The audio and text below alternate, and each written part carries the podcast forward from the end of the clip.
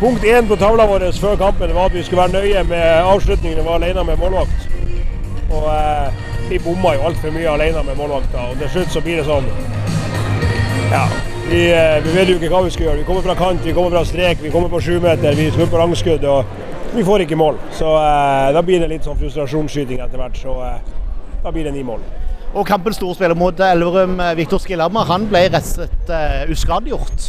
Ja da, men det har å si at han får ikke spille på den posisjonen han spilte mot Elverum heller. Og vi spiller på en litt annen måte, så eh, det er jo Cup som får den posisjonen i dag. Og eh, det gjør at eh, det blir vanskelig for han å, og når han står med en mann i, i ansiktet hele tida i 5-1. Nå endte det jo sånn at både Halden og Bekkelaget vant sine kamper. Det betyr at uansett hvordan det hadde gått i dag, så endte dere på niendeplass. Er det greit at dere ender der? Greit, ja.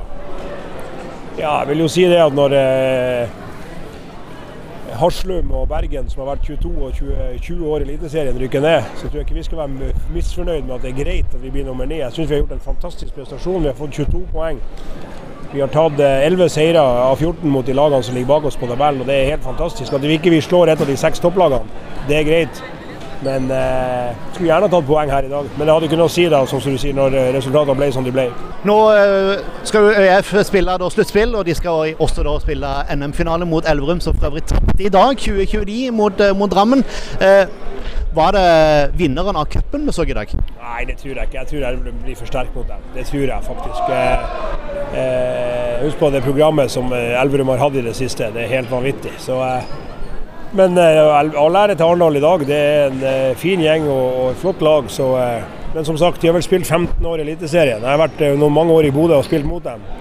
Vi har spilt én sesong. Så jeg husker hvordan Arendal var i sin første sesong i Eliteserien. Så vi må se hvor vi er og stikke fingeren i jorda og forstå det at vi har mange mange år igjen før vi tar igjen Arendal.